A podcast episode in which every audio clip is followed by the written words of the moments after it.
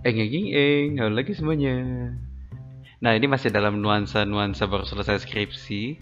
Jadi um, kalau misalkan minggu lalu kan aku ada share mengenai hasil dari skripsiku mengenai penerimaan vaksin. Kalau misalkan kalian belum pada dengar boleh didengerin itu um, ngebahas mengenai kenapa kok bisa ada orang yang nggak nggak menerima vaksin gitu, yang nggak mau, yang nolak anti vaks lah gitu bisa dibilang. Um, itu adalah hasil dari skripsiku maka aku share minggu lalu. Nah um, hari ini aku akan bahas mengenai si skripsinya sendiri proses pengerjaannya. Karena kan lumayan banyak orang yang bilang kayak aduh skripsi susah banget apa segala macam gitu dan lain-lain gitu.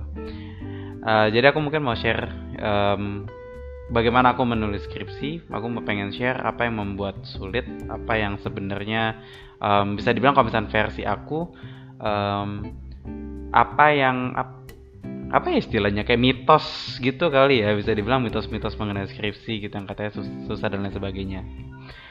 Jadi um, mungkin background story dulu.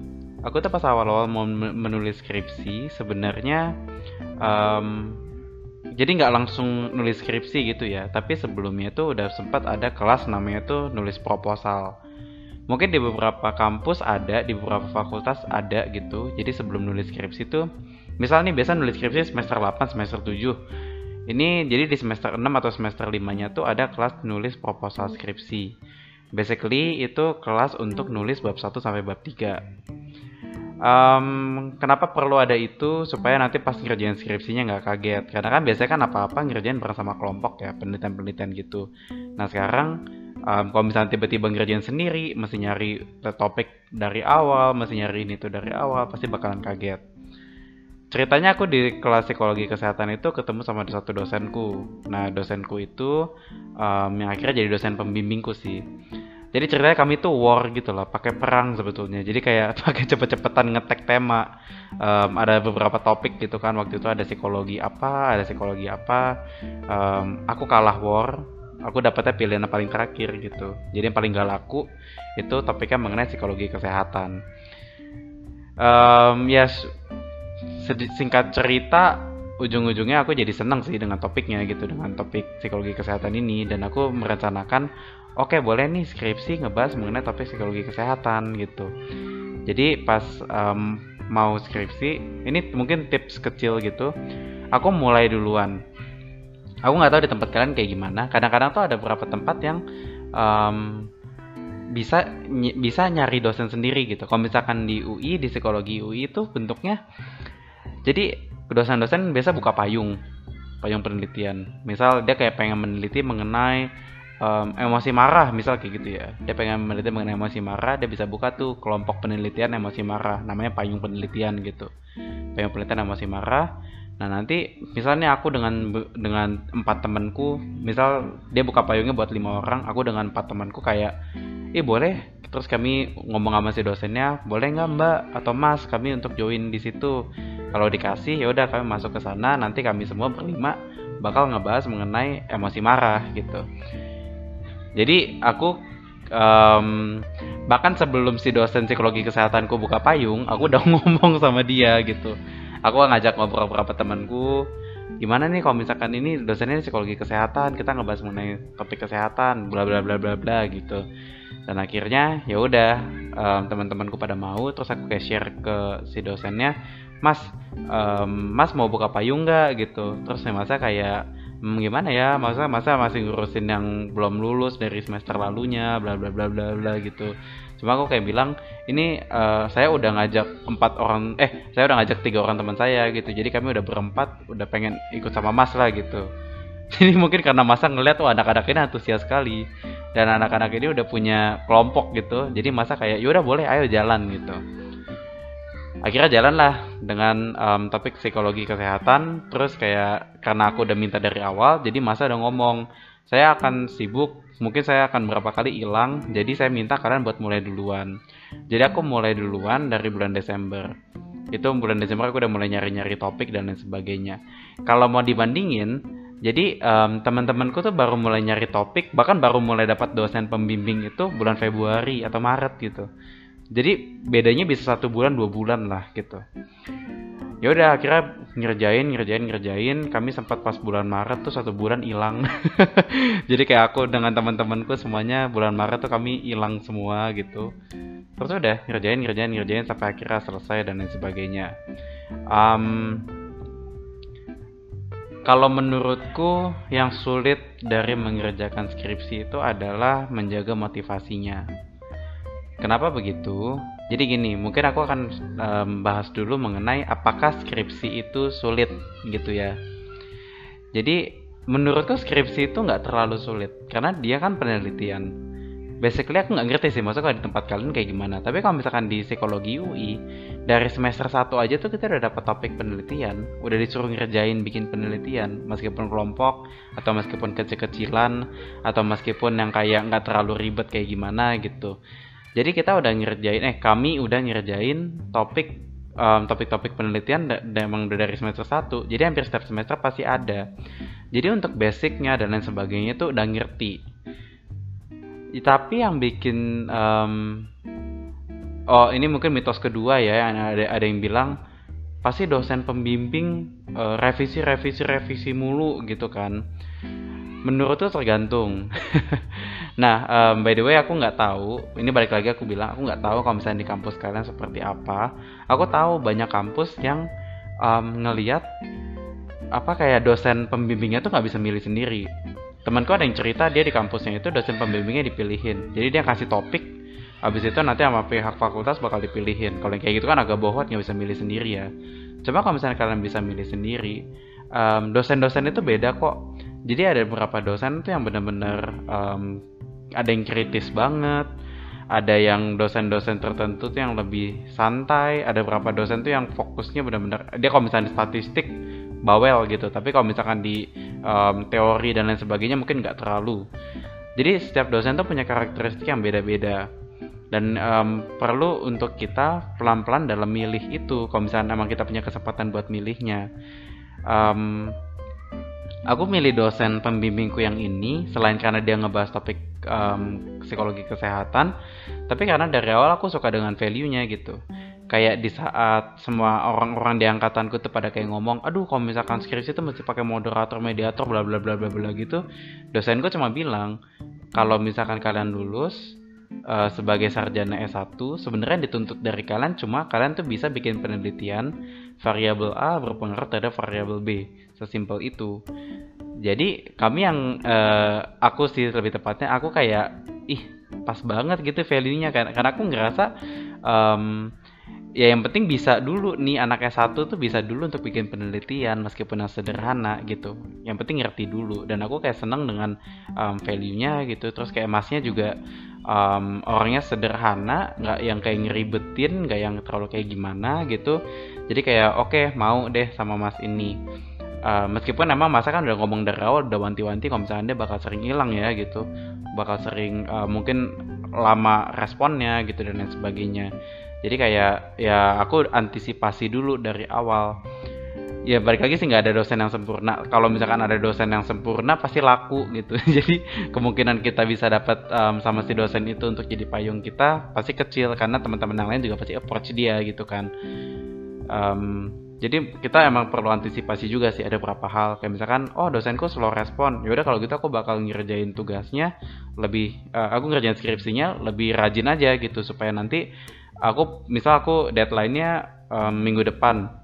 Aku kerjain cepet-cepet supaya nanti pas aku kumpul um, beliau punya waktu buat slow respon dulu gitu. Misal kayak aku kumpulnya um, hamin tiga deadline. Jadi beliau punya waktu tiga hari untuk dia bisa short short apa eh kok short sih? Slow respon dulu gitu. Baru nanti dia um, periksa pas sudah mendekati deadline. Jadi kita mesti antisipasi juga. Nah balik ya mitos.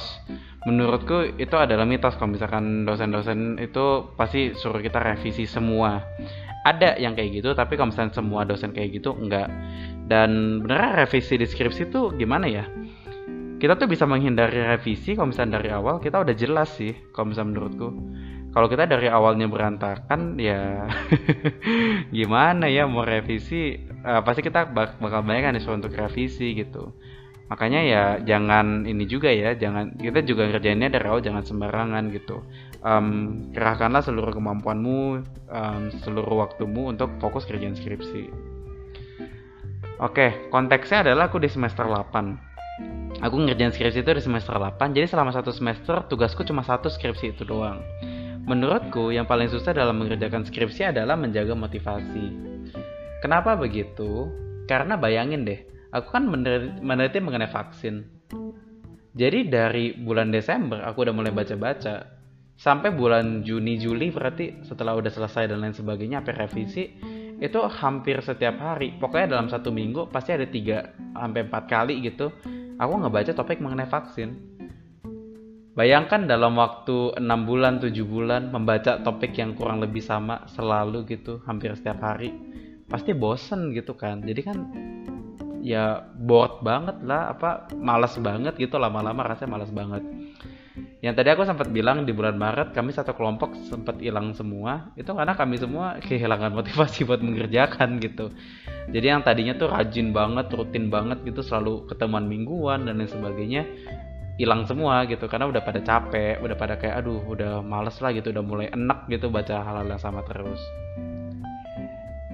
Jadi pertanyaannya kayak gimana untuk bisa uh, mengerjakan skripsi dengan baik. Aku mungkin akan kasih beberapa tips. Yang pertama, yang tadi tadi aku udah bilang, kalau misalnya kalian bisa milih dosen, pilih dosen yang terbaik. Um, caranya dosen yang emang um, beliau pertama topiknya menarik lah gitu topiknya menarik tapi selain itu lihat juga karakteristik si dosennya gimana apakah beliau akan membantu kamu dalam mengerjakan skripsimu atau beliau justru yang akan jadi penghambat kalau misalkan uh, tapi bedain ya antara dosen yang banyak mau dengan dosen yang membangun. Kalau misalkan dosen yang membangun tuh dia bakal kasih banyak banget masukan-masukan yang justru konstruktif sifatnya. Dosen pengujiku tuh salah satu yang menurutku sangat-sangat membangun banget. Um, beliau banyak banget nanya nanya nanya. Tapi setiap kali dari pertanyaan itu aku dapat insight baru aku jadi kayak oh ternyata ini bisa diginiin oh ternyata ini bisa digituin gitu. Jadi bisa ditambahin ini bisa ditambahin itu. Bukannya jadi dia banyak mau gitu atau ngekritik-kritik kayak ini salah ini salah ini salah dicari-cari kesalahannya. Enggak gitu. Bahkan um, pas lagi sidang tuh mereka sama sekali nggak nggak apa ya kayak nggak bilang ini skripsimu salah gitu. Mereka cuma bilang ini kayak bagus deh kalau misalnya bisa diginiin bagus kalau misalnya bisa digituin. Jadi carilah dosen-dosen yang konstruktif yang membangun gitu lalu yang kedua um, ini pengalaman personal aku sih tapi aku ngerasa kalau misalkan kemarin pas uh, skripsi aku nggak ngerjainnya bareng kelompok mungkin akan nggak um, akan sebaik ini ya gitu. Karena um, meskipun kami ngebahas topiknya beda-beda kami berempat yang ngebahas mengenai vaksin cuma aku sama satu temanku yang dua ngebahas topik yang berbeda gitu. Tapi kayak karena kami berempat jadi saling dorong gitu loh apalagi temanku satu ada yang rajin banget. Hari ini baru dikasih tugas besoknya tiba-tiba udah ngumpulin. Kayak gitu kami kan kayak ah apaan nih? Cepat sekali anak ini gitu. Jadi um, itu mendorong gitu membuat uh, kami jadi kayak ayo kita masih maju bareng-bareng gitu. Makanya pas hilang hilang bersama hilang bersama gitu. Tapi sekalinya maju bersama maju bersama. It it, it help a lot sih kalau misalnya menurutku sangat-sangat membantu banget untuk punya teman-teman yang um, satu bidang skripsi gitu kalau misalnya nggak bisa dapet yang kayak gitu ya mungkin um, peer lah peer support gitu. Jadi kayak minta dukungan dari teman-teman satu peer sama teman-teman gitu yang mungkin lagi ngerjain skripsi juga meskipun payungnya beda. Ajak ngobrol mereka aja. Eh gimana? Kalian uh, ngerjain skripsi apa capek ya? Apa segala macam gitu. Jadi ajak ngobrol dan lain sebagainya. Lalu yang ketiga menurutku ini satu hal yang penting banget. Chunking chunking tuh apa ya? Kayak um, pernah nggak sih kalian kayak misalnya nih mau ngafal nomor telepon? Kalian tuh ngafalnya kayak 0812 5164 8000 gitu. Jadi kayak ngafalinnya tuh nggak yang kayak 0 8 1 2 tapi ngafalin langsung 0812 langsung di kayak jadiin grup satu grup satu grup gitu loh. Jadi kayak um, berapa uh, angka yang panjang bakal lebih gampang dihafalin. Kalau misalkan kita ngafalin kita bagi-bagi gitu kan. Kita porsi-porsiin. Misal 4 angka 4 angka 4 angka gitu. Atau tiga angka 4 angka 4 angka. Jadi kita bagi-bagi gitu. Nah sama dengan skripsi. Untungnya dosenku um, dari awal beliau tuh rajin banget ngajakin kami untuk weekly meeting. Jadi setiap kali kami lagi ketemu weekly meeting itu pasti beliau kasih kami kayak porsi tugas untuk dikerjain aku masih inget banget pas bulan Desember beliau pernah ngasih tugas kayak gini. Per minggu depan kamu udah ngumpulin um, jurnal-jurnal. Terus aku kayak mikir kan ah maksudnya apa mas? Maksudnya kayak kami baca jurnal. Dia bilang enggak enggak enggak. Kumpulin aja kamu download aja. Download dalam satu folder udah selesai. Ah cuma download jurnal doang mas? Iya download doang gitu. Bingung kan kayak ah masa cuma download jurnal doang? Tapi jadi step by step kalau misalkan kayak dari awal udah dibilangin pokoknya kamu udah satu bulan ini kamu mesti baca-baca dan lain sebagainya gitu supaya udah punya gambaran mengenai topik skripsi. Pasti pusing kan? Tapi dengan dibilang oke okay, minggu ini kamu baca uh, eh kamu download jurnal. Minggu depan kamu um, baca 5 jurnal.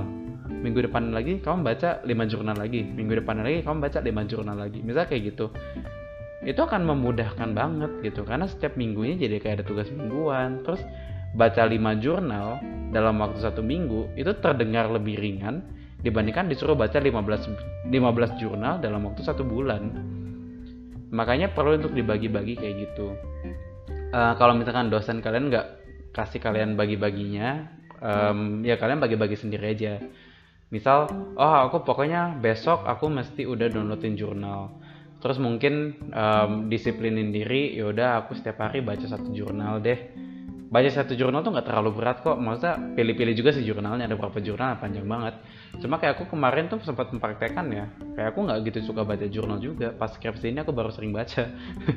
Tapi kayak aku coba untuk oke okay, satu hari baca satu satu hari baca satu. Kadang-kadang tuh ada yang bahkan udah satu hari baca satu terus malah jadi penasaran jadi satu hari baca dua gitu. Untuk untuk menjawab rasa penasarannya jadi perlu banget ya untuk kayak dibagi-bagi gitu supaya kita juga bisa tetap menjaga motivasinya. Kalau misalkan kita ngeliat dari awal tugasnya udah gede banget gitu masih kerjaan skripsi 5 bab aduh udah pasti malas banget kan langsung kerjanya emosi jadi udah kalah di awal gitu loh belum mulai tapi udah kalah duluan.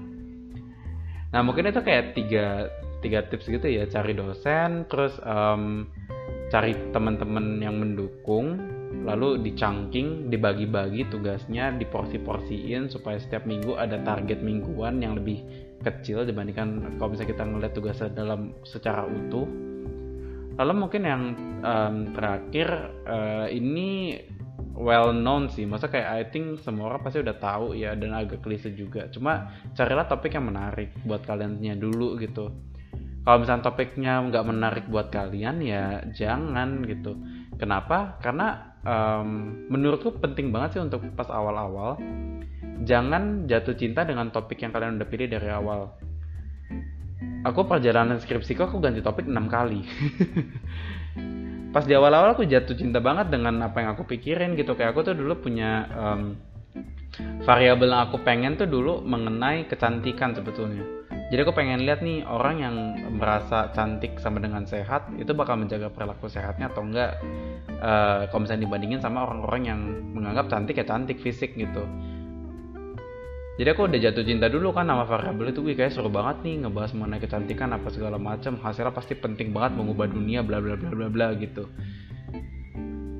Jangan jatuh cinta dengan topik dulu karena kalau misalnya aku waktu itu beneran pakai itu dan aku ngelanjutin mungkin bisa sih. Tapi bakal sulit banget udah nyari-nyari topiknya um, nyari alat ukurnya mungkin. Nanti kalau misalnya alat ukur rata-rata nggak valid aku tetap paksain pakai gitu biar tetap ada.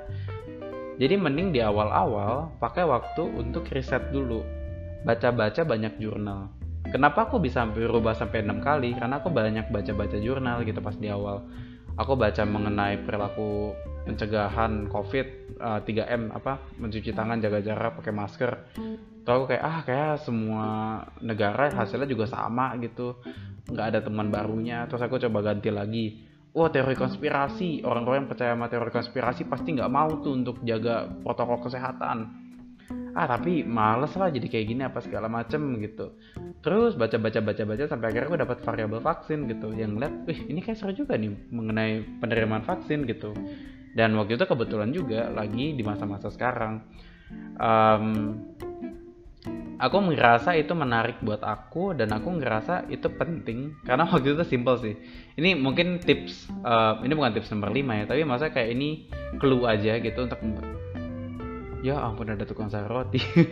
Tapi masa ini um, clue aja untuk kalian. Kan mungkin pasti kita semua bingung ya topik itu bisa dibilang relevan atau bisa dibilang update bisa dibilang fresh? Itu kalau kayak gimana sih?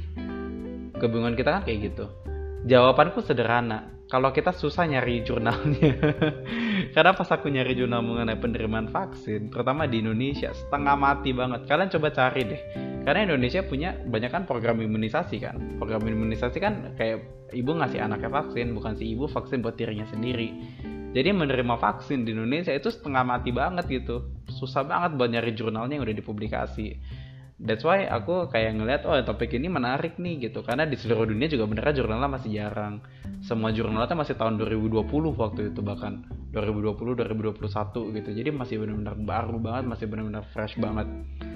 Semakin sering kalian nemuin sebuah topik um, misal topik-topik yang familiar gitu. Atau misalkan topik yang benar-benar menarik tapi secara general menarik. Misal kayak topik pacaran misal gitu ya. Berapa banyak sih um, researcher lain yang berpikir hal yang sama juga yang menurut mereka membahas mengenai pacaran itu menarik? Pasti banyak banget gitu. Akhirnya ya topiknya jadi klise jadi udah nggak fresh lagi. Karena seberapa pun menurut kalian topik yang menarik buat kalian ya orang lain juga bisa nganggap itu menarik juga sehingga orang lain juga bisa pakai gitu That is why um, banyak-banyak baca di awal-awal, kuatin dulu fondasinya, pastikan kalian paham dulu. Jadi setelah udah kalian paham, setelah kalian udah um, ngerti, terus kalian udah mulai tertarik nih sama sama sama satu topik, baru mulai ngerjain skripsinya. Cepet kok bab 1, bab 2, bab 3 tuh aku waktu itu kelar lumayan cepet. Agak kehambat di bab 3 karena aku nggak gitu ngerti statistik. tapi ya gitu kayak kalau misalnya kalian lagi emang butuh waktu stop ya stop dulu aja istirahat dulu aja. Pelan-pelan aja ngerjainnya pelan-pelan banget gitu. Kalau misalnya kalian lagi bingung istirahat pelajari. Akan lebih buang-buang waktu di saat kalian lagi bingung tapi kalian tetap paksain ngerjain. Nggak ngerti soalnya gitu. Jadi makin bingung kepalanya makin berantakan makin mumet. Mending stop dulu pelajari dulu. Buang waktu sedikit paling gitu satu jam dua jam terus baru lanjutin lagi dengan kondisi kepalanya udah ngerti. Itu aku SPSS kayak gitu sih udah bingung banget gitu. Aku kayak nggak ngerti nih kayak gimana. Akhirnya aku nggak kerja kerjain gitu. Aku malas banget. Tapi kayak kepalanya kepikiran mulu. Cuma ujung-ujungnya kayak aku coba untuk oke okay, gimana kalau kita habisin satu hari ini untuk kita belajar SPSS aku gitu dengerin SPSS sampai 4 jam 5 jam gitu kayak nontonin di YouTube nyari-nyari baca artikel atau kayak kayak gini? Gitu. Terakhir baru kayak udah setelah udah ngerti cepet langsung bab ngerjain bab 4 analisis langsung cepet banget gitu So ya itu perjalananku ngerjain skripsi. Uh, mungkin kondisi kalian bisa berbeda-beda. Kalau misalnya kalian misal yang di kampusnya bisa untuk mulai semester 7 terus kalian lagi ngerjain nih semester 7 nih sambil lagi ada kuliah yang lain juga gitu pasti kondisinya beda dengan kondisiku yang semester 8 yang kosong banget cuma ngerjain skripsi doang atau mungkin kalau misalnya ada yang sambil magang juga pasti beda banget kalau misalkan ada dari kalian yang um, ngerjain skripsi topiknya misal eksperimental mungkin akan beda gitu. Jadi keribetan keribetannya akan beda dan lain sebagainya. Buat yang konteksnya nggak bisa milih dosen misal atau nggak bisa milih teman payung penelitian atau yang topiknya mungkin ditentuin sama fakultas ya pasti akan beda juga gitu. Jadi ini bukan tips yang akan jalan buat semua orang. Cuma paling nggak kalian jadi tau lah gambarannya gitu. Coba untuk approach skripsi itu dengan blank paper lah dengan kayak di kepala kalian seolah-olah kayak kalian nggak tahu apa pun. Seolah-olah kayak ini kalian dikasih tugas penelitian dan kalian nggak pernah denger isu-isu bahwa skripsi susah dan lain sebagainya gitu. Jadi kepalanya masih fresh lah. Um, ingat satu hal yang paling ngerti mengenai skripsi kamu adalah diri kamu sendiri. Jadi kalau misalnya nanti kamu akan sidang dan lain sebagainya datanglah dengan approach itu. Yang paling ngerti dengan skripsi ini adalah diriku sendiri jadi pas kamu ngerjainnya pas kamu ngerjain apa-apanya ya kamu yang paling ngerti mengenai apa yang lagi kamu bahas gitu. Jadi ya yeah, I think that's all from me gitu. Kalau misalnya kalian lagi ngerjain skripsi semangat. Bagi yang udah selesai ngerjain skripsi um, minggu depan kayaknya aku akan ngebahas mengenai topik ini deh pekerjaan. Karena emang itu lagi quarter life crisis untuk semua usia-usia kita gitu ya. So ya yeah, sampai jumpa untuk konten-konten selanjutnya. Dadah semuanya